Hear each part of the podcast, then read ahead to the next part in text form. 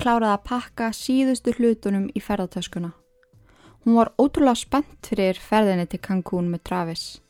Þótt hún hafi slitið allri romantík við hann, klakkaði henni til að eða tíma með honum. Hún gat samt ekki annað en hugsað. Hvar er Travis samt?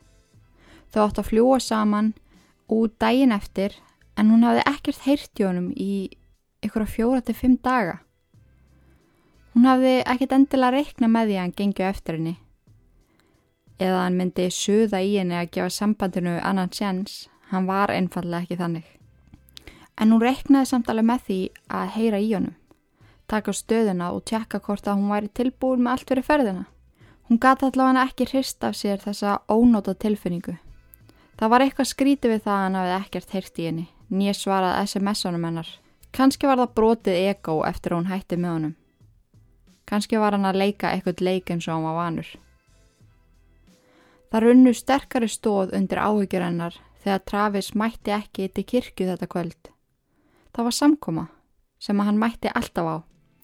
Hann meira segja leitti yfirleitt fundina og enginn hafi heyrti honum í kirkjunni. Hún ákvaði að gefa undan og keira heim til hans. Hún varð bara aðtuga. Bara til öryggis hvort það væri ekki alltaf lægi með hann. Hún vonaði að þetta væri bara paranója í henni. Hann hliti að vera á kafi í vinnu. Það var margt sem að þurfti að klára áður en þau fóruð til Cancún. Eða kannski var hann bara rúmleikjandi vegna veikinda. Hún rendi yfir allar þar mögulegu ástæður fyrir því að hann hafði ekkert heyrt í henni og vonaði að þetta hefði allt saman eðlilega útskýringu. Mimi bankaði fast á dyrtnar heima á Travis en enginn kom til dyra. Hún ringdi í vini Travis sem byggu með honum sem voru fljótir að mæta á staðin. Það var eitthvað í gangi, sað hún við á. Hann hefur ekkert svarað. Vinir Travis reyndu að róana niður. Þetta hliti alltaf hafa eðlilega útskýringu. Þau stimpluði inn kóðan á heimilið og hurðin á bílskurnum opnaðist. Mimi gekk þrjú skref inn í húsið. Hún stoppaði og leita á félaga Travis sem stóðu fyrir aftar hana. Lyktinn sem mætti þeim var hræðileg. Sterk, yfirþyrmandi, en á sama tíma sætt. Þegar þau gengu lengra inn í húsið varð lyktinn verri og sterkari. Á þessum tímapunkti gerðu þau sér ekki grein fyrir því að lyktinn sem að þau fundu var lyktinn af dauðanum.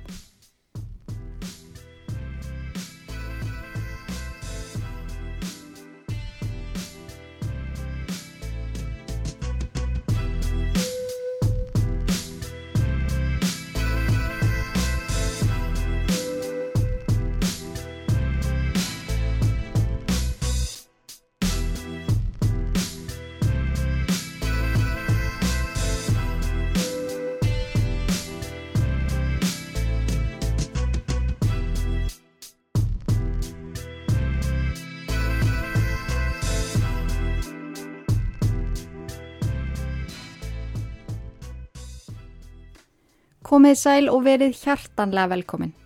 Inga heiti ég og þið eruð að hlusta á hlaðarpstáttin Ílverk. Í síðasta þætti fóru við yfir fyrirhlutamál Jóti Arias og Travis Alexander sem tvinnuð saman í eitrað samband sem leiti til hræðilegra endaloka. Ef þú ert ekki búin að hlusta á part nummer 1, mæl ég með því að þú byrjar á því áður en þú hlustar á þennan því annars mun þessi þáttur ekki meika neitt sens.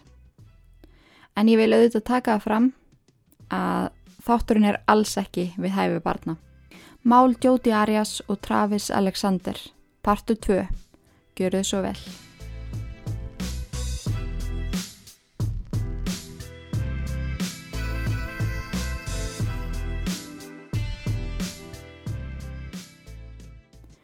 Samband Jóti og Travis stóð yfir í um eitt og halvt ár en þau voru bara saman ofinberlega í um sex mánuði eða frá februar til júli 2007. Eins og við höfum rætt var samband þeirra annarkort eldheitt eða ískallt. Þegar þau svo slitu sambandinu endanlega átti Jóti virkilega erfitt með að sætta sig við það. Ástinn sem hún taldi sig bera til Travis breyttið svo yfir í þráhyggju sem tengdist í líklega að hún átti við geðræn vandamála stríða sem hún hefði aldrei unnið úr. Hún var tilbúin að leggja hvað sem var á sig, bara til þess að geta haldið einhverju samband við hann. Þótt að eina sem Travis vildi oft á tíðum var í einnar nætu gaman á hans forsendum. En í mæ 2008 gerðist eitthvað í þeirra brenglaða sambandi. Þau rifust heftalega þann 27. mæ og Travis saði Jóti að láta hann í friði, að eilífu og tala aldrei við hann aftur. Eins og kom fram í part 1 fór Jóti af stað í roadtrip en hún ætlaði að enda hjá vinkunni sinni. Hún kerði allanóttina frá Palm Desert með skottið fullt af bensíntöngum sem hún tók með sér til að spara bensínstöðastoppin. Áður en hún ætlaði að lenda á vingunni sinni þurft hún að stoppa á einum sérstökum stað sem var algjör krókaleið. Hún ætlaði að stoppa í Mesa, Arizona. Nána tiltekið, hún ætlaði að stoppa heima á Travis. Hún fór inn um ólastar dyr húsins upp stegan. Hún gekk inn í herbyggi Travis. Samkvæmt henni var hann ánaður að sjá hana. Pýriði augun til að sjá hverju þetta væri og þegar hann svo loksins sá það hafði hann bóðið henni uppi í rúmtið sín. Bóð sem hún þáði. Þau sváfu saman allanóttuna til klukkan eitt eftir hótegi þann 4. júni 2008. Travis vaknaði við það að Jóti hafði kveikt á tónlist og strippaði fyrir hann. Hún var kveiknakin búin að fletta hári sitt í tvær flettur sem löfðu sakleisistlega niður á axlirnar á henni. Þau voru komin í sama gamla farið. Það að eigða nóttunum saman og stunda kynlíf langt framöftir var ekkert nýtt fyrir þeim. Þau hafðu gert þetta í næstum tvu ár og planið var ekki að hætta því. Jóti vissi að þarna hefði hún herra spil á hendi. Travis gati ekki staðist hana. Svo ef það eina sem að hann vildi var kynlíf með henni, myndi hún bjóða hannu kynlíf og þannig náði hún alltaf að halda nándinu við hann. Samkvæmt kynlífsfræðingnum Alison Moon er kynlíf eitt að erfiðasta við að slíta sambandi. Þú ert háður einstaklingnum, hann kann á þig, hefur fullnægt þér í allan ennan tíma og þú átt erfitt með að sleppa takinu. Það er mjög algengt að pör sem hætta saman eiga til að sofa saman í mánuði jafnvel ár eftir sambandslit því það er einfallega of erfitt að sleppa. Samkvæmt ráðleggingum Alison Moore er best að slíta öllu, líka kynferðslegu sambandi við sambandslit. Því ef að þú líkir þessu við fíknefni er ansi erfitt að hætta ef þú ert alltaf að hitta drögdíleriðin. Til að forðast þessa grefju er best að fara algjörlega kól törkileðina. Þú þarft afeitrun. Kinnlíf með Jóti var nokkus konar fíkn hjá Travis sem hann gati ekki staðist á meðan hún var nálat honum. Þessi örlaríki morgun átt ekki eftir að vera neitt öðruvísi en vanalega. Eftir að hafa fengið sínu framgengt hefði Travis líklegast sagt henn upp eina ferðin enn. En þessi dagur var öðruvísi. Eftir að Jóti hafði strippað fyrir Travis í dágóðstund og hann orðin ansi æstur náði hún í myndavélina sem hann átti. Hún hafi hjálpað honum að velja þessa myndavél með sem brennandi áhuga á ljósmyndun og mikla vita búnaði sem því fyldi. Hún hafi leiðbent honum í gegnum síma þegar hann var í búðinni að versla myndavélina. Þarna vildi hún að hann tæki myndir af sér. Hún stilti sér upp, kveiknakin í tælandi stellingar og hann smelti af. Hún starði beint í linsuna og gaf hann um þetta tælandi augnaráð sem hann var svo sjúkur í. Eftir hann hefði tekið helling af myndum af henni, sagði hún honum að nú var ég komið að henni. Hún tók á hann um myndavælina og bað hann að stilla sér upp, sem hann gerði, einni kviknakin. Þetta ljósmyndasessjón var nokkus konar forleikur fyrir þeim, en þetta breytist fljótt yfir í eldteitt kynlíf. Um klukkan 16.30 stóð Travis upp rúmunu og gekkin á baðherbyggi sem var staðsett nokkrum skrefum frá rúmunu. Hann kveikti á sturtunni og steg inn. Hann þurfti að þrýfa af sér eldheitan svitan eftir enn eitt kynlífsessunu þeirra. En setna þennan dag þurfti Travis að fara á mikilvægum fund á vegum fyrirtækisinn sem hann vann hjá. Á meðan Travis var í styrtu stóð Jóti upp og klætti sig. Hún fóru niður stegan og sveipaðist um eftir félugum Travis sem að byggu með honum. Hún vildi vera handvis um að þau væru aðlein í húsinu. Hún læsti út yttir að hörðinni og kallaði á hundinast Travis sem var orðin vel kunnugur henni og krafðist þess að hún klóra honum á maganum. Hún let undan og eftir nokkra stund af klappi lokaði hún hundin inn í andri. Hún gekk henni eldús og tók skurðnýf úr setti sem stóð á trestandi. Hún faldi nýfin í strengnum á buksunum sínum og gekk svo aftur upp í herbyggitið Travis. Hún lokaði tvöföldu hurðinni inn í söfnherbyggið og gekk í áttina að baðherbygginu. Hún heyrði Travis syngja í sturtunni. Hann var illa falskur en hún gati ekki annað en hlegi látt. Hann náði einhvern veginn alltaf að vera heitlandi og krútlegur. Meira segja á stund sem þessari. Hún náði í myndavölina sem þau höfðu gamna sér með og gekkin á baðherbyggið og kom sér fyrir, beint fyrir fram á sturtuna þar sem Travis skólaði burtu syndum sínum. Hún hugsaði til augnabliksins þegar hún hitt hann fyrst í Las Vegas. Hann var svo myndalegur og virðilegur í jakkafjötunum sínum. Sterkur, raustur, góðlegur. Maður sem hefði átt að venda hana og hugsa um hana. En í staðin hafði hann notað hana og valda henni vombriðum, hvað eftir annað. Hún byrjaði að taka myndir af Travis í sturtunni. Pípið í myndaölinni vakti aðteglans og hann snýri sér vandraðala að henni og spurði hvað hann var heila að gera. Þú lítur út þessu mótel, svaraði hún. Hvernig drópanir lágunniður stelta líkamann hans.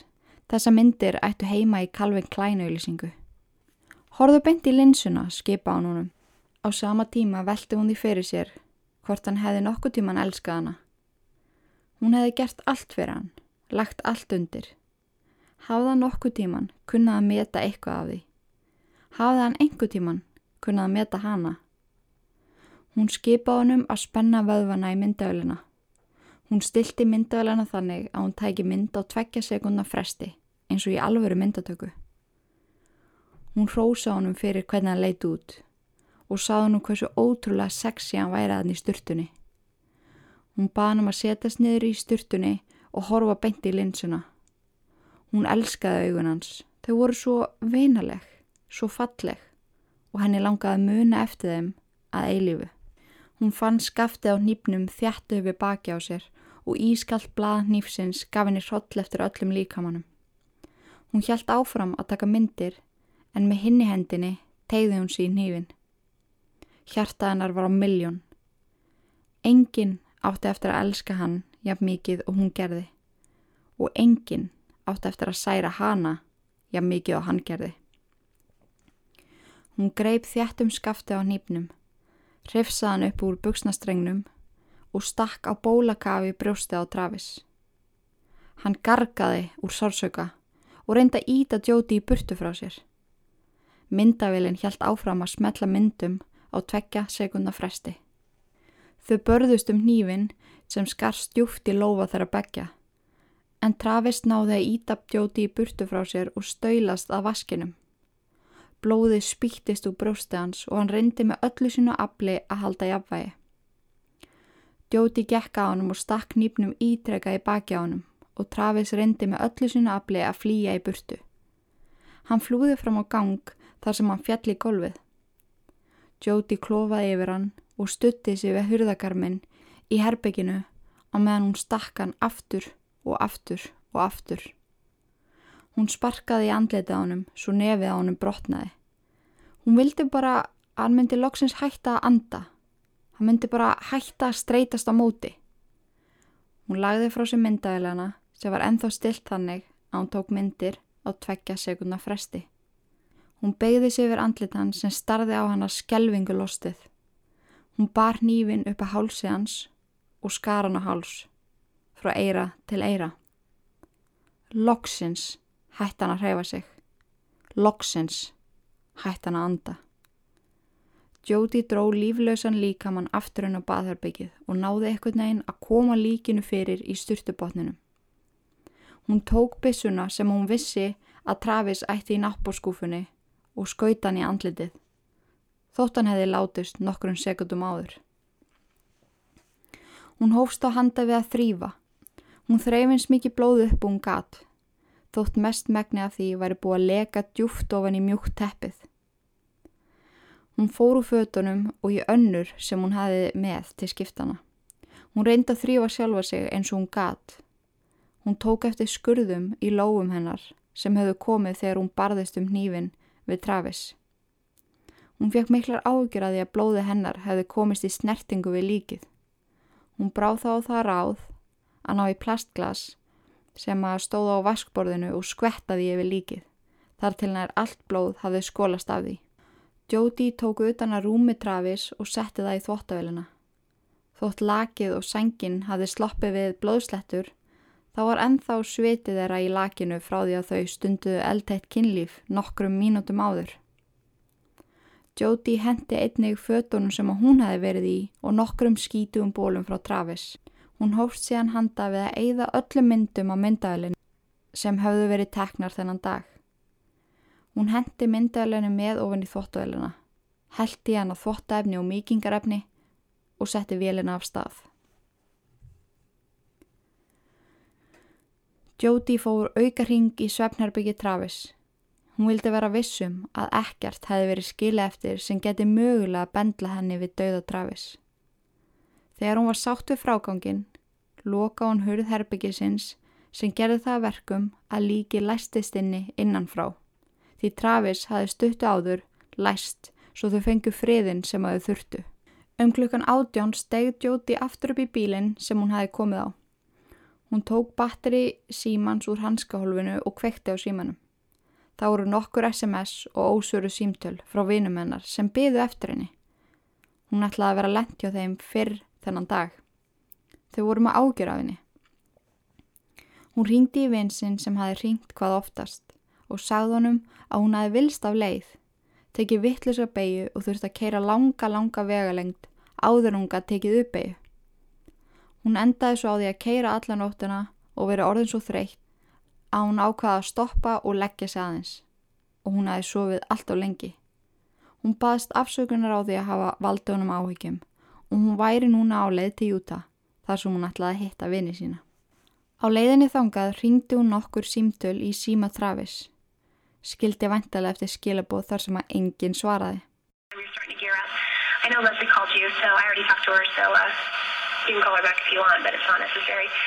Um, my phone died, so I wasn't getting back to anybody. Um, and what else? Oh, and I drove 100 miles in the wrong direction, over 100 miles, thank you very much. So yeah, remember New Mexico? it was a lot like that, only you weren't here to prevent me from going into the three digits, so fun, fun. Tell you all about that later. Um, also, we were talking about, when we were talking about your upcoming travels my way, I was looking at the May calendar, duh, so I'm all confused. Um, but Heather and I are going to see Othello on July 1st, and we would love for you to accompany us. Um, I don't know when Team Freedom's event is, though, but, you know, it's on the list, so we could do, um, we could do Shakespeare, Crater Lake, and the coast. So if you, make, if you can make it. If not, we'll just do the coast in uh, Crater Lake. But let me know and I will talk to you soon. Bye. End of message. Jóti lendi í Júta um klukkan 10 um kvöldið 5. júni 2008. Lík Travis átti ekki eftir að komast í leitinnar fyrir 9. júni 2008. Dægin áður en hann átti pantaflug með Mimi til Cancún. Og það var Mimi sem átti eftir að finna hann, látin og illa rótin í styrtubotninum. Hún ætlaði bara aðeins að tjekka honum. Hún hafði áegjur, en hafði aldrei búist því sem hún fann þannan örlaðaríka dag. What's going on? Um, a friend of ours is dead in his bedroom. We, we hadn't heard from him for a while. We think he's dead. His roommate just went in there and, and said there's lots of blood. I didn't go in, but I, I can give you the phone to someone who went in there. Can, yes, please, can you? Hello. Hi, so what's going on?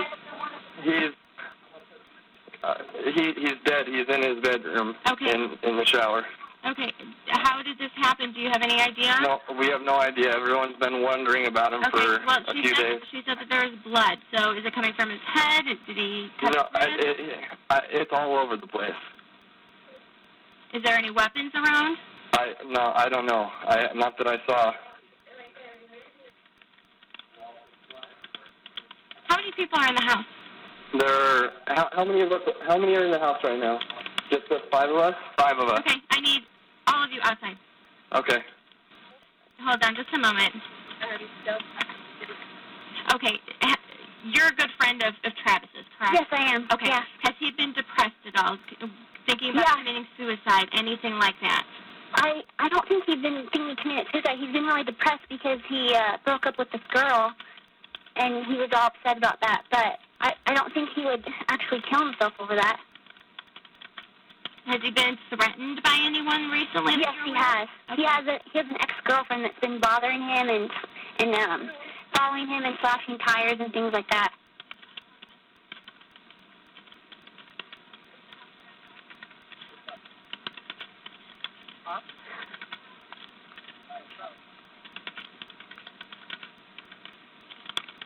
And do you know the ex-girlfriend's name? Um um do you remember Zach? What's what's his ex girlfriend's name? Ask Taylor. And do you know if he's ever reported it to the police? Um, her, his her name is Jody. Um, I don't know if he's ever reported. Hold on. Yeah, ask her if he's ever reported Jody to the police. Like if Travis did.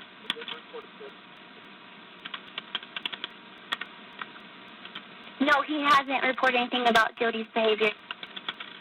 Okay, and you guys left the roommate. When was the last time he saw Travis? Was it three days ago? Um, Zach, uh, do you guys, when was the last time you guys saw Zach? They, I mean, Travis. They want to know what's from the roommate. Last time I saw him was what last Thursday or Friday.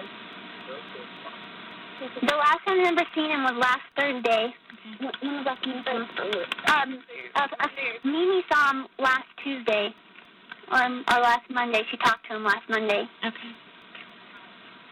And everyone is out of the house. There's no one else in the house. No, no one's in the house. Okay. I don't know because none of us know what's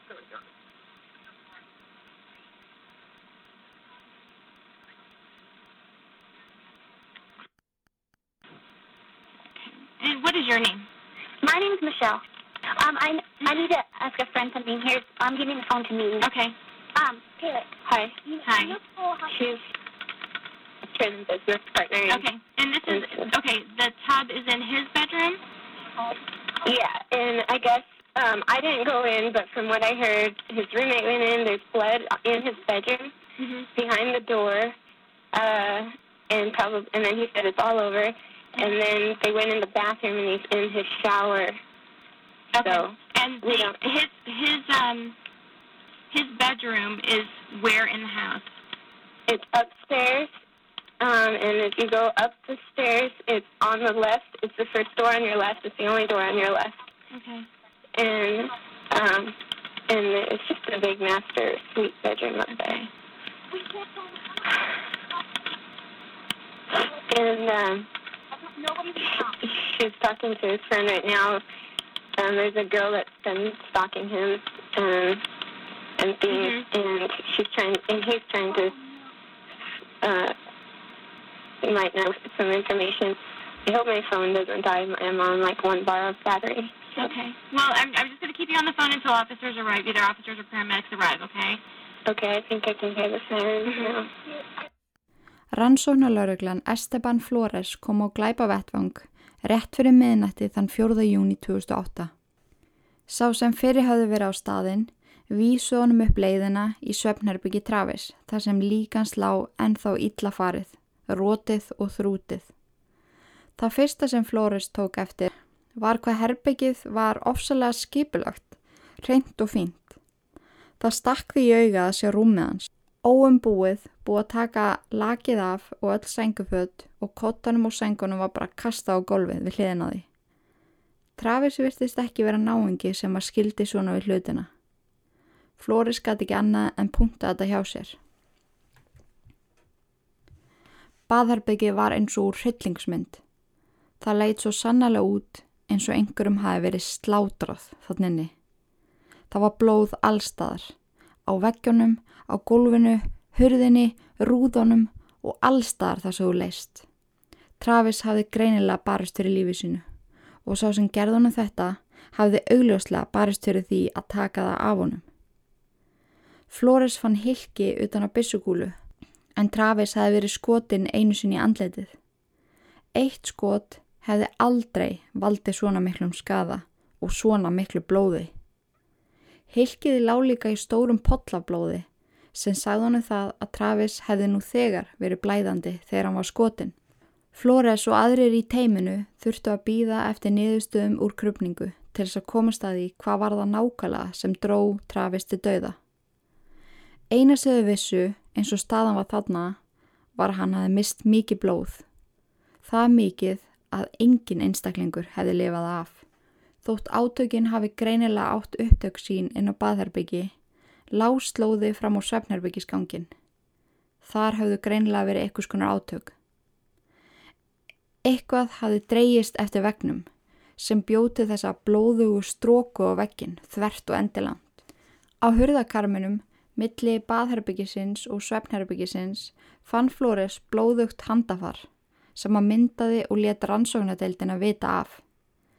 Ef allt gengi vel og hefnin væri með þeim, átti morðingin þetta handafar og þá vonandi er þau fljótir að komast að því hver myrsti Travis Alexander köldu blóði.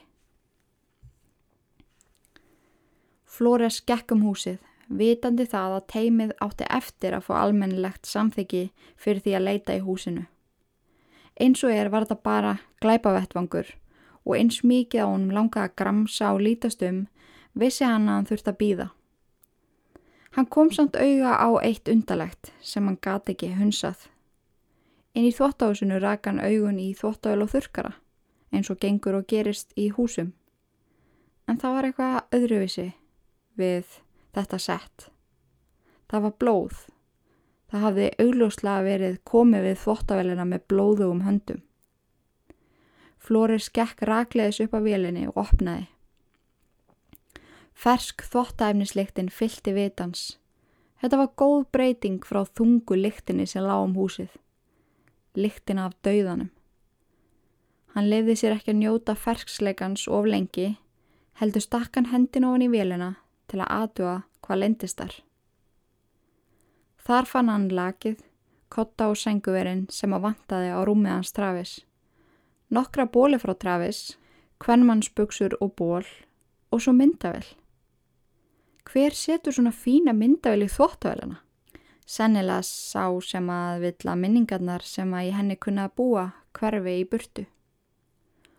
Flóris let rannsóknateimið fá myndavelina og vonaðist til þess að finna góð og gild sönnunagögn. Á meðan Flóris og rannsóknateimið beigð eftir almennilegri leitaheimild í húsinu tók hann félaga Travis í yfirheyslu upp á lauruglustöð. Þeir hefðu leikt herbyggi húsi Travis síðustu ár. Annar þeirra í kjallarahúsins og hinn á fyrstuhæð. Herbyggi Travis voru efstuhæð og þeir fóru í raunin ekkert þangað upp. Það var ekkert sem að þeir þurftu þar, nema að þeir þurftu að ná tali af Travis. Það var mjög algengt fyrir hann að fara í ferðir og skreppa í nokkru daga og hann var ekkert endilega láta á vita af því. Það að hafa ekki heyrt í honum kom þeim ekkert sérstaklega óvart. Þeim hrilti hins vega við það að hugsa til þess að það hafi leiði rótnandi lík í húsinu sem að þeir byggu í. Það sem verra var að einn af þeirra bestu vinum láð dáin í blóðu sínu og þeir vissu ekkert. Þeir höfðu fundið lyktina og þeim fannst lyktin koma af efirhæðinni en pældu ekkert allt og mikið í því. Eitt þeirra hafði farið upp og ætlaði að koma inn í svefnirbyggi Travis en það var allt harlæst svo hann spáði ekkert meiri því. Þegar þeir voru spurðir út í síðustu daga Travis og hvort eitthvað hafi bentið þess að einhver væri á eftir honum voru þeir ansi fljóður að svara.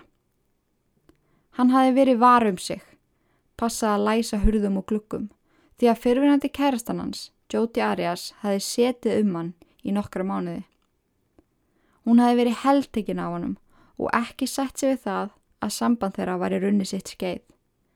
Hún hafði oft og mörgusunum tróðið sér inn um hundalúin á húsinu og falið sér þar.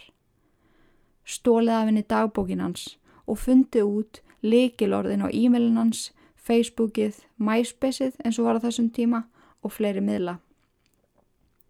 Þeir sögðu báðir að hún væri svo fyrsta sem að þurft að skoða því ef það var ykkur sem að vildi trafis eitthvað ílt þá væri það hún. Í miðju samtali við Flores ringdi símin, en ég glemdi kannski að taka fram að þeir sem að leiðu hjá Travis héttu Enrique Cortés og Sean Alexander. En það var sérst ringt í miðju samtali uh, í símanan Sean. Og hver var það? Jóti Arias. Flores sá hann maður svara ekki að þessu stöttu. Það væri best að svara sem minnst af spurningum. Stuttu setna fekk Flores skilaboð til sín af skrifstofu lauruglustöðarinnar. Skilabóðan voru frá Jóti, en hún hafði beðan um að ringa í sig til þess að hann geti útskýrt hvað hefði komið fyrir hennar ástkæra Travis. Eftir samtala við Sjón ringdi Flores í Jóti. Húnum fannst áhugavert að hún skildi vilja tala. Í ljósi þess að tveir hefðu nú þegar ásakaðan um að eiga þátt í morðinu. Jóti var ána með hann skildi ringja í hana. Hún byrjaði á því að útskýra hvers konar samband þau hafðu átt og hvar þau stóðu þegar hann var myrtur. En við skulum heyra betur um hvað Jóti saði við Flores eftir nokkur orð frá styrtaræðila þáttarins.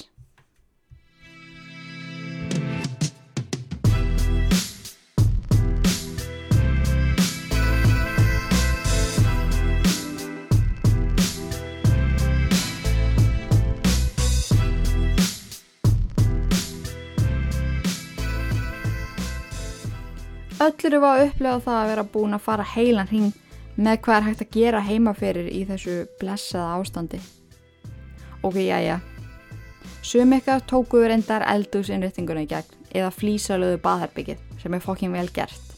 En við hinn, við erum aðeins byrjuð að búri nefið. Þess vegna langaði mig að segja ykkur frá snildar síðunni homemade.is. Þar getur þú fundið allt sem þú þart í skemmtilegt föndur. Það er einnig hægt að fara á námskeið hjá Homemade þar sem snillingurinn á baku síðuna kennir ykkur að búa til eigin scrapbook. Endilega kíkja á heimasíðinu þeirra homemade.is og taki föndrið á næsta level. Látum okkur ekki leiðast. Föndrun saman með homemade.is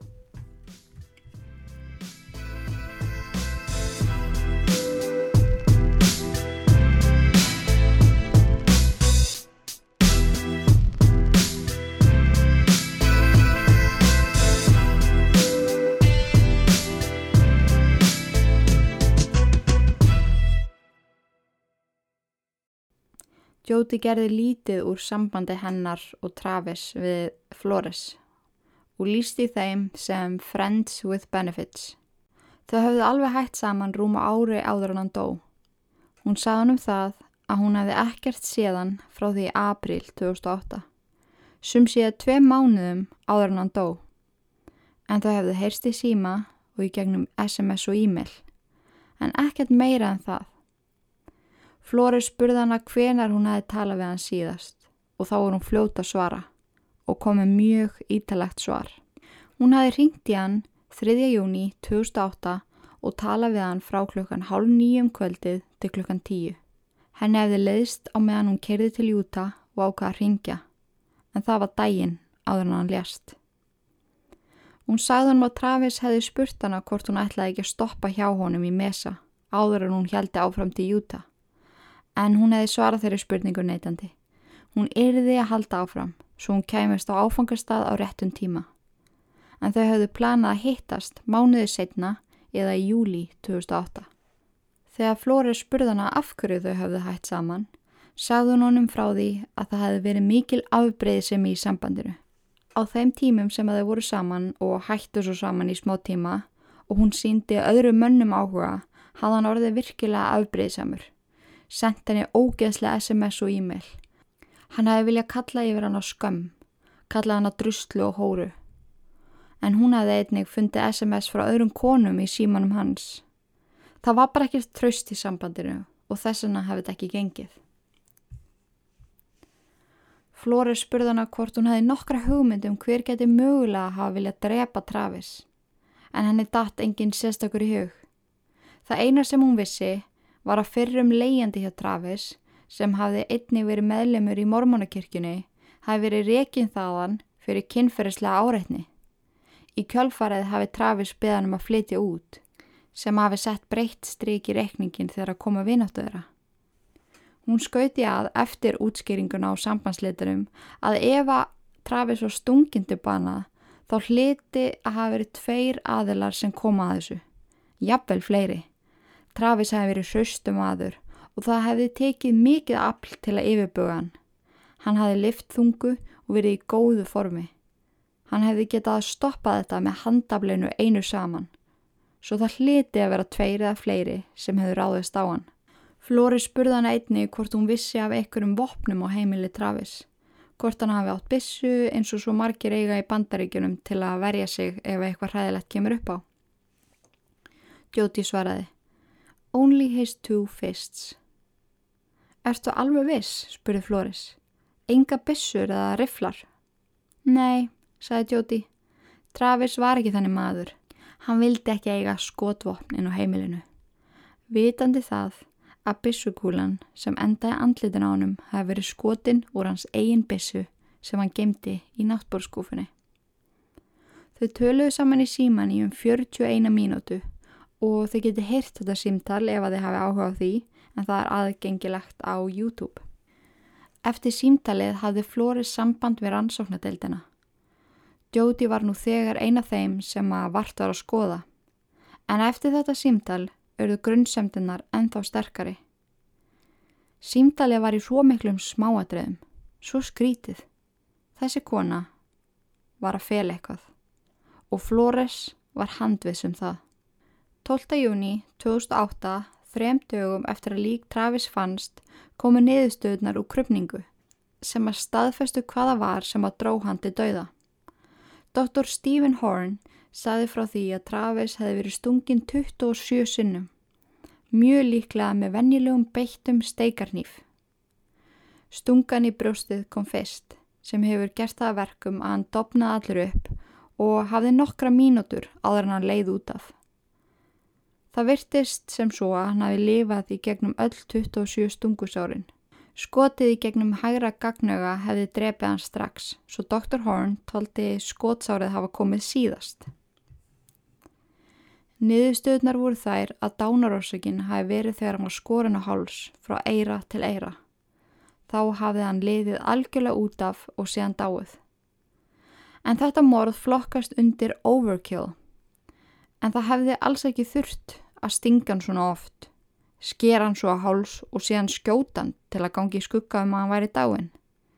Fyrsta stungusárið í brjóstið hefði verið nóg, en þessar upplýsingar síndu það að manneskjan sem gerði þetta, gerði þetta líklega úr mikilli bræði og oft fylgir ástriða svona bræði glæpum. Hann taldi líka líklegt að mögulega hafi morðingin panikað og þess vegna gengi svona langt til að fullvisa sig um það að hann væri raun og verið dáin. Þessa niðurstöður sögðu meira en þúsund orð og gáðu rannsóknateiminu fullt af upplýsingum til að vinna úr. Þegar leiður rannsóknina tók Flóris eftir því að nafnið Jodi Arias kom aftur og aftur inn á bortilans. Chris og Sky, bestu vinni Travis, ringdu frá Mexiko en þau voru á leiðinni til Cancún. Eftir að það heyrðu hvað þau komið fyrir vinniðra. Fyrsta manneskjan sem kom upp í hugaðara var Jodi. Lisa Andrews sem hafi deyta Travis á eftir Jóti segi frá e-maili sem hún fjekk frá óþægtum aðila. Í e-mailinu komi fram smáidrið um kvöldi sem hún sopnaði á sófanu hjá Travis eftir að þau horðu saman á mynd. Hún var vissum að Jóti hafi verið svo sem sendi skilabúðin. Hún hafi séðið um gluggan og síðan sendi henni hótun um að láta Travis í friði. Clancy Trappett sem þekkti vel til Travis í gegnum fyrirtæki sem að þau unnubæði hjá, sagði Flóris frá því þegar Jóti króaði hann af henn á baðherbyggi og hótaði henni öllu yllu ef hún leti Travis ekki friði. Til að frísku upp á minnið ykkar, þá var Clancy fullakonan sem datt í arma Travis og hann hjálpaði henni aftur í sætið. en þessar upplýsingar komu fram í fyrsta þætti málsins. Clancy saði svo frá því að hún hefði séð Jóti aftur þann 5. júni 2008 í Salt Lake City á ráðstefnu á vegum PBL, dægin eftir að Travis lést. Félagi hennar, Ryan Burns, sem var einnig mjög góðu vinnu Jóti og Travis, sagði Clancy frá því að Jóti hafi lagt að stað frá Kalifornia 3. júni en, en hafi ekki mætti Salt Lake City fyrir þann 5. Samkvæmt Jóti hafði hún vilsta leið og ákveða að stoppa aðeins og leggja sig eftir þessa löngu ferð. Jóti og Ryan höfðu verið í miklu sambandi áður en hún laða stað en á þeim tíma sem hún var á leiðinni frá Kalifornia til Salt Lake City hafði hann ekkert náð í hana og fór símtalið hans beint í símsvara Jóti í næstum 24 klukkustundir millir 3. júni og 4. júni. Clancy fannst þessar upplýsingar mjög skrítnar og ekki meika sens, svo hún hafi aftur sambandi Flores og segði honum frá samtalenu sem hún hafi áttu Ryan. Flores hafi aftur sambandi Jóti og bar þetta undir hana. Hún útskýrði þetta þannig að hún hafi óvart lagt sig í tíu tíma og síðan hafa hún ákveðið að keira í gegnum Los Angeles og síðan í gegnum Las Vegas sem meikaði heldur engan sens. Og ef að þið eru ekki alveg að fatta þessa skrítnu keislu þá mæl ég með því að þið kíkið á korta bandaríkjunum. Þá fattið þið hversu skrítið þetta er. Ef að við tökum það ekki inn í dæmið að hún hafi stoppaði mesa eins og við vitum að hún gerði. En hún segir söguna auðvitað þannig að hún hafi ekki stoppað þar og þá meikar þetta engan sens. En það að keira frá Murica til Salt Lake City og fara svo í gegnum Los Angeles og Las Vegas ætti alls ekki að taka 48 klukkutíma eins og tók hana.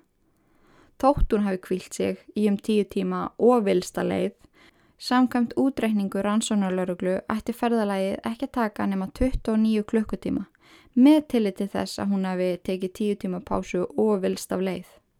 Það vant af því eitthvað upp í söguna. Hvað var það af þessum 19 klukkutímum? Ságrunur laumaðist upp á Flores að hún hefði eitt parti af þeim í Mesa í Arizona. 19. júni 2008 voru grumsendir um aðild Jóti í málinu staðfestar. Rannsóknateimið hafði loksins náða endurkalla ljósmyndir úr myndavelinni sem fannst í þóttælinni á heimili Travis, en þeim hafði öllum verið eitt. Myndirna sem komið ljós byggutu tímalínu, en þær hafðu verið teknar fyrir morðið á meðan á morðinu stóð og síðan eftir það. Fyrstu myndirnar í þessari sériu síndu Jóti nakta í rúmi Travis að pósa fyrir myndavælina. Réttra sagt, pósa fyrir Travis sem tók þær sem var þarna ennþá á lífi. Myndina voru allar með tímasetningu upp í hægra horninu og fyrsta myndin úr seríunu var tekin klukkan 13.40 þann 4. júni 2008. Það voru einnig tvær nektarmyndir af Travis og staðfistir þetta að Jóti hafi logið. Hún saði Flóris í byrjun rannsóknar að hún hafi ekki hitt Travis síðan í april, en myndirnar síndu allt annað en það. Jóti Arias var grunnsanlegri og grunnsanlegri. Hún hafði verið inn á heimilun hans, upp í rúmun hans, daginn sem hann dó.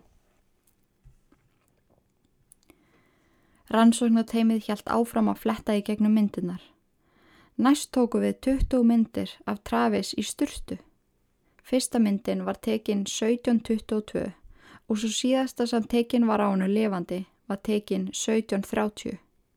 44 sekundum setna eða um 1731 var tekin óskir mynd sem að síndi toppin á styrtunni og loftið.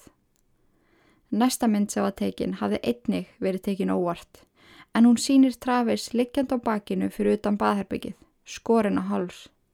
Á myndinni sést í hægri fótinn á manneskinu sem virðist vera í svörtum joggingbuksum með blari rönd og svörtum sokkum. Næsta mynd var á kolvi, tekinn 1733, sem sínir einhvern brasa við það að draga líkið aftur hún á bað. Það var ekki bara búið að sanna það að hún hefði verið komin til mesa, sönnunu fyrir því að hún hefði verið síðasta manneskjan sem tra sá Travis á lífi var komin í hús. 27. júni var nelt síðasta naklan í kistu Jóti þegar DNA niðurstöður komun á borti rannsóknarteimisins. En fundist það blóðugt handafar á glæpavettvang og með DNA rannsókn var staðfest að blóðið væri úr tvei manneskum. Travis Alexander og Jodi Arias. Einnig staðfesti DNA rannsókn að laung brún hár sem fundist inn á baðarbyggi Travis væri úr Jodi. 9. júli 2008 á 28 ára ammalistega Jodi var borin upp sádómur að Jodi hafi verið svo sem myrti Travis. Vísbendingarna voru það sterkar að það var ekki neitt evi í mannskapnum um að sökudölgurum væri komin í leitinnar. Þann 15. júli ferðaðist Flores á samt teimi lauruglunar til Júríka til að handtaka Jóti. Hún var leitt út að heimili afasinnar og ömmu í handjárnum. Klætt kvítum joggingbuksum og dokkra án bómullab stuttar með ból. Dagar Jóti sem frjáls einstaklingur voru taldir. Við handtöku tókum það fram að hún þurfti ekki handjárn. Hún væri ekki fara að gera neitt, hún var ekki fara að streytast á móti. Beðni hennar um að handjárn væru fjarlægð var hafnað og henni komið fyrir í aftursæti lauruglubauðurarinnar. Áður en lagt var að stað spurði hún hvort hún gæti nokkuð fengið að mála sig aðeins eða allavega ná í snirtibutuna sína til að fríska sig við. En þeirri beðni var einni neitað. Þegar á lauruglustöðuna var komið var Jóti leitt inn í yfirhersluherbyggið. Hún þurfti að býða svo litla stund eftir að yfirherslan var undirbúin og á vítjóupptöku sem að þið getið bæðveginn nálgast á YouTube má sjá hann að kvíla höfuð á borðinu, bylta sér um í stólnum, í leita þægleri stellingu og söngla ástarlög. Þegar Flores kom loksins inn í yfirhersluherbyggið tjáði hann henni það að hann vissi nákvæmlega hvað hefði komið fyrir Travis og hvernig morðið hefði farið fram. Það sem hann vissi hins vegar ekki var afhverju. Hann vonaðist þess að Jóti geti fyllt inn í eigðunar og sagt honum frá því afhverju hún fann sig knúna til þess að binda enda á lífans. Jóti horfið djúft í augun á honum og kom sér vel fyrir í stólnum. Hallaði sér nær Flóres svo hann sægi að henni væri alvara.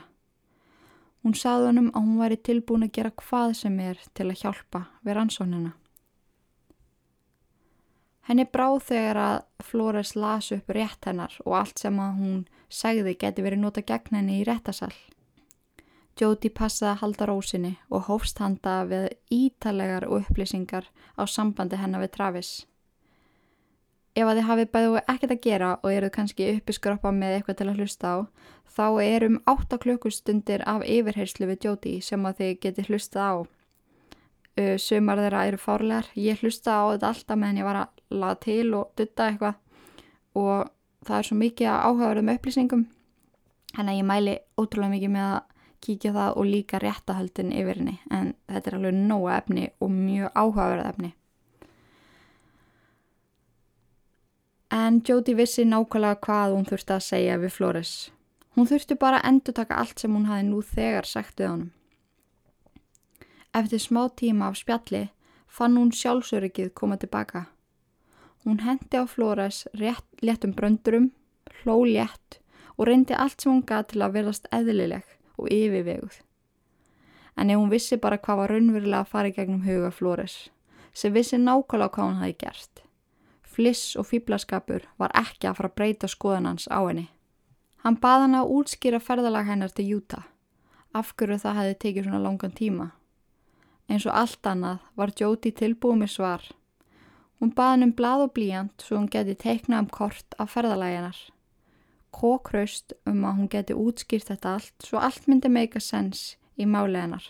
Flores fannst þetta ekki segja rétta sögu og spurði hann að hvort hún hafi stoppað í mesa á leðinni til Júta. Nei, sagði hún og benti aftur á kortuð og hjælt áfram að útskýra.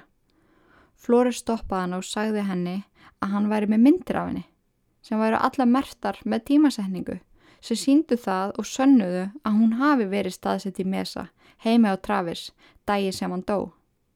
Andlið Jóti datta af henni þegar hún heyrði þessar upplýsingar. Hvernig átt hún að ljúa sig út úr þessu? Hún hjælt áfram að haldaði fram að hún hafi ekki verið hana. Það var í pottit eitthvað að reyna klínus á hana. Photoshop væri mjög auðvelt í nótgunn og það væri ekkert mál að photoshopa andlit hennar á myndirnar. Flóris vissi að hún var að ljúa og hendi hana fleiri staðrindum. En hvað með blóðu og handafarið? Hvað með hárið sem fannst ofan í blóðpotli á baðherbyggiskólfinu? Hvernig gæti hún útskýrt það? Hún saðunum að meðan þau voru saman hefði hún eitt miklum tíma heima hjá hennum. Hún hefði næstum búið aðna. Auðvitað voru einhver ummerki um hana, hár á gólfinu eftir hún greitti sér og blóðut handafar eftir hún skar seginu sinni. Það er eðlilega útskýring fyrir þessu öllu, sagði hún. Eftir langan tíma af yfirherslu og staðfestu Flóri síðan vissi alveg að hún hefði verið aðna og þá meikaði engan sens að hárið sem að hafi leið þannig mar marga mánuði því að það var brúnt á litin. Og það sést á kvittun úr Valmar deginum fyrir morðið að hún hefði keitt sér hárlit. Þegar hún var síðast í húsinu hjá Travis þá var hún ljóserð þannig að afhver var brúnt hár í blóðpallinum? Og það meikaði engan sens að hún hafi skorið sig og skili eftir blóðugt handafar. Og það hefði bara verið látið veraðan á vegnum í marga mánuði þar sem Travis hafi þreif þjónustu sem þreif húsið hans nokkru sinum í viku og myndirnar, þær voru ekki fótosjópaðar. Jóti brotnaði lókum og viðurkendi að hafa farið til Mesa. Hún hafi farið heim til Travis, þau hafi sofið saman og hún hafi verið svo viðstött þegar hann var drepin. En hún hafi ekki verið svo sem drapan. Hún sæði frá því að sögulínan sem að Flóris hefði komið upp með væri nokkur með einn rétt. Hún var að taka myndir á hann við styrtu þegar þau voru allt í hennu trubluð að tveim inbróðsjóðum sem hótuðu þeim öllu ítlu og kröfðust peningagreðslu.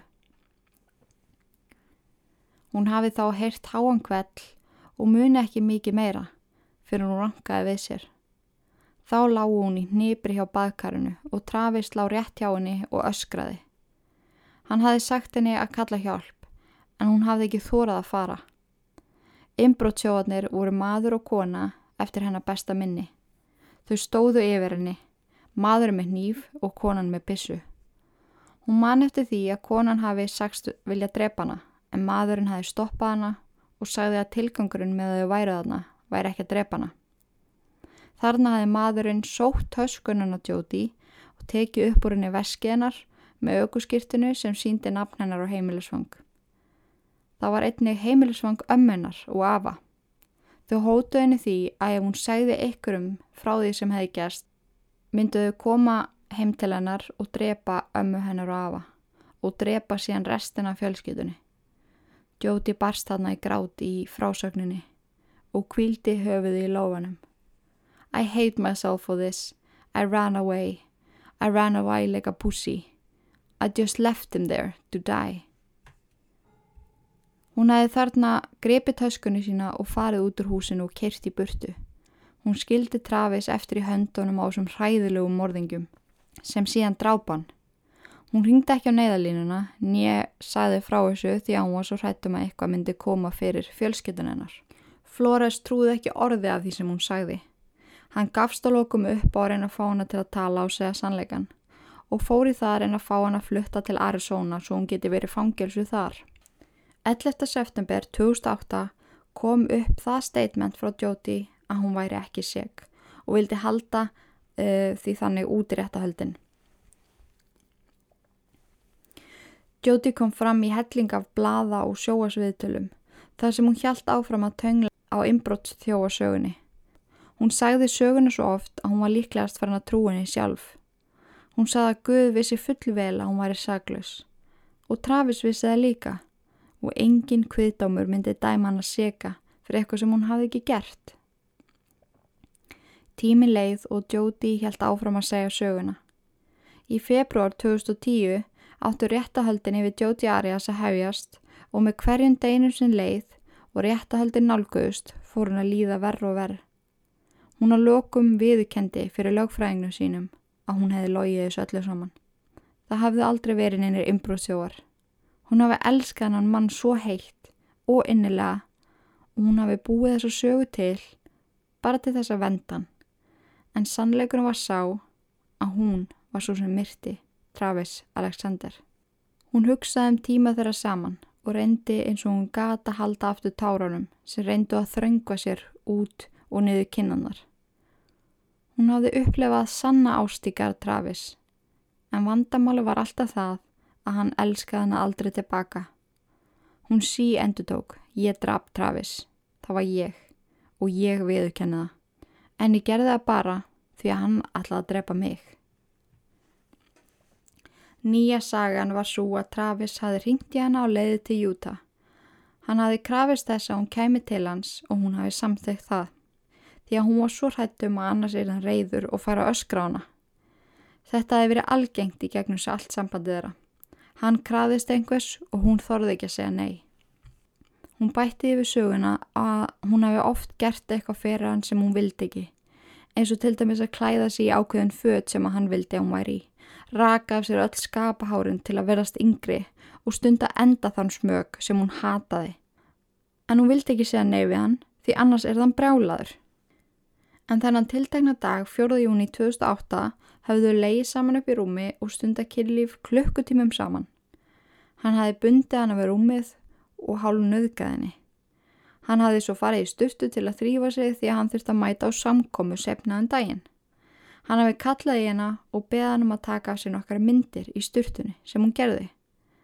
Þegar hún hafi smelt nokkru myndum, misti hún myndavélina í golfið sem ollið því að hún brotnaði. Það útskýri myndina sem var tekin á loftinu inn á baðarbygginu. Hann varð svo reyðu við hana að hún hafi mist hann í gólfið að hann kom út úr sturtunni og byrjaði á ógninni. Reyf í hana og gríti henni í gólfið, hrækti á hana og sparkaði hana liggjandi. Hún hafi náða að koma sér undan og hlaupið að náttborun hans þar sem hann gemdi bissuna. Hún hafi miða á hann og hótað skjóta hann ef hann myndi ekki láta hann í friði. Hún ætlaði sér að auðvitað ekki að skjóta hann í alvörni en þarna var hún bara að reyna að venda sjálfa sig. Hún hafði svo reykist í gekkin og skotið óvart. Hann hafði brjálast þegar hún gerði það og hótaði að drepa hana. Hún segist ekki muna neitt meira. Það fyrsta sem hún man eftir var bara hún að keiri burtu frá húsinu. Hún skildi ekkit í því hvað hafi komið fyrir og af hverju hún væri öll út í blóði. Hún hafði ekki hugmyndum að hann væri dáin fyrir hún fekk símtal frá sameinlegum vindara. Hún hafði aldrei þórað að segja svo sögu þessa mjög svo sannu sögu því hún skammaði sín fyrir að hafa verið ofbeldisfullu sambandi. Hún vildi ekki tala yllum Travis, sérstaklega ekki þar sem hann var dáin.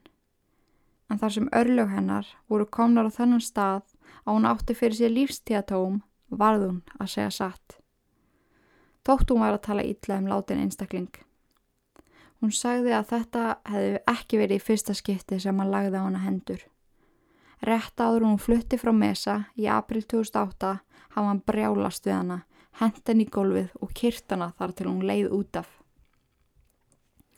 En þetta voru gríðarlegar upplýsingar svona rétt fyrir réttahöld sem lögfræðingur Jóti þurfti að vinna úr.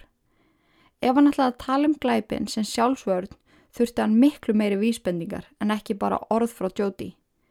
Jóti þurfti líka að gangast undir sálfræði meðferð sem geti þá mögulega að varpa ljósi á minnisleysið eftir atbyrðin.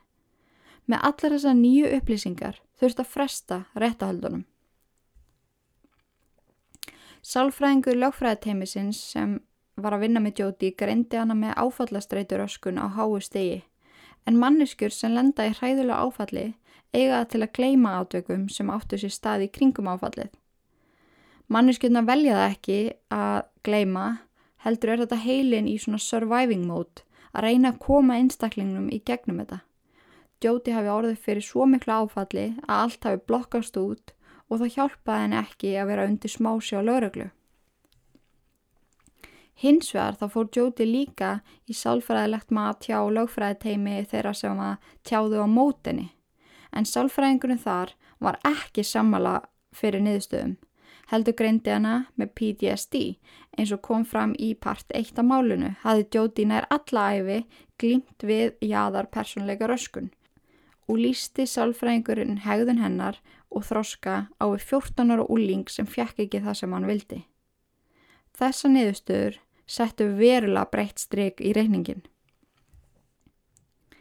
Annan janúar 2013 gengur réttahöld yfir Jóti Ann Arias loksins í garð. Í nýju daga lísti Juan Martínez sem er fokking meistara lögfræðingur.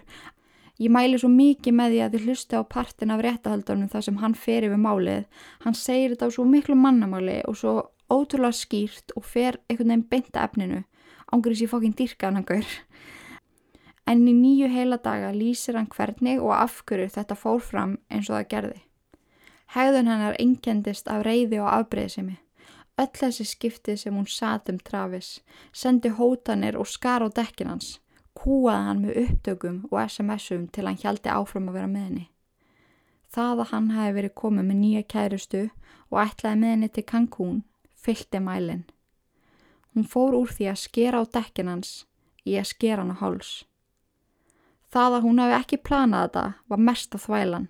Því ef þið hafið til dæmis hort á myndina Jodie Arias, Dirty Little Secret, þá kemur fram að svo ástæði myndinni fyrir því að hún hafi drepið hann voru, voru SMS sem að hún sá í símanum hans og meðan hann var í styrtu og hún hafi þá snappað. En málið er að hún hafiði ákveðið þetta áður en hún lagðast af til Utah og líklegast af öllu var að Utah-ferðin hennar væri bara eitt stórt cover-up. Því ef við setjum myndi í samengi þá tók hún batterið úr símanu sínu svo að myndi ekki pinga við símaturna á leiðinni. Hún kefti bensínbrúsa til að þurfa ekki að stoppa á bensinstöðum sem að hafðu mögulega myndavelar. Hún leta á sér hárið svo nágranna trafis myndu ekki kannast við hana þegar þau sæna. Þetta var allt útpælt. Hún hefði meira sér að grepi nýf áður en hún fór aftur upp í herbyggið. Skilabóðin sem hún skildi eftir í símsvara trafis nokkrum klukkutímum eftir að hún trapan og eftir að hann hefði hótað að drepa hana sangant henni, rennir líka stóðum undir það að sagan um óbeldi hafi verið kæftæði. Hvernig gæti hún skila eftir þessi skilabóð ef hún var í svona miklu tráma og myndi ekki neitt? Hvernig gæti hún sagt honum að hún elskaði hann svona mikið rétt eftir að hann hefði hótað að drepa hana og hún svo drepið hann? Hvan bað alla sem áheyrðu að sjá Jóti fyrir það sem hún raunverulega var. Kaldrefjaði morðingi og virkilega veikur einstaklingur sem átti heima bak við lás og slá. Hún var hættuleg sjálfur sér og öðrum.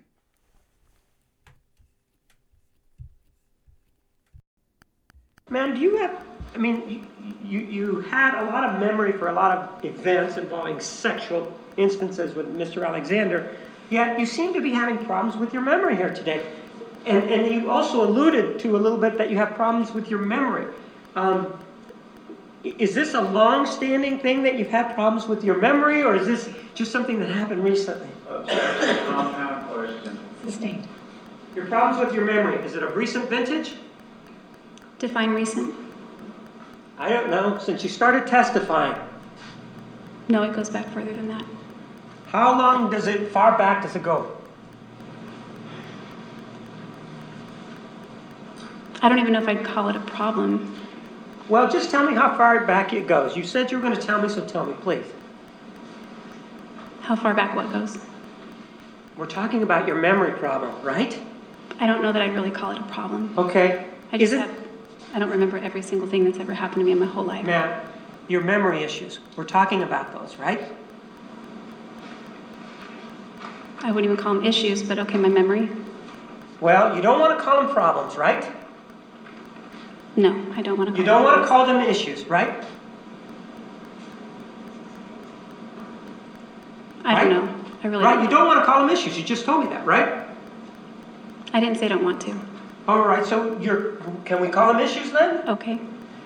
With regard to these memory issues that you claim to have, when did you start having them?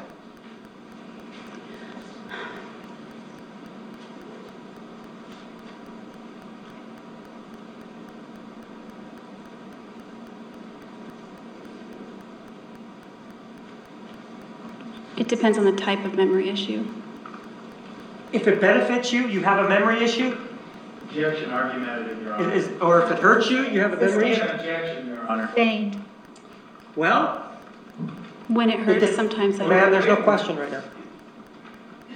You say that you have memory problems, but it depends on the circumstance, right? That's right. And give me the factors. I don't want to know about a specific circumstance. What factors influence your having a memory problem?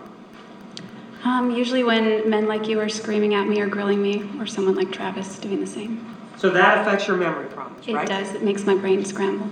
So you're saying that it's the co- it, basically what you're saying is Mr. Martinez's fault that you can't remember things that are going on. It's not your fault.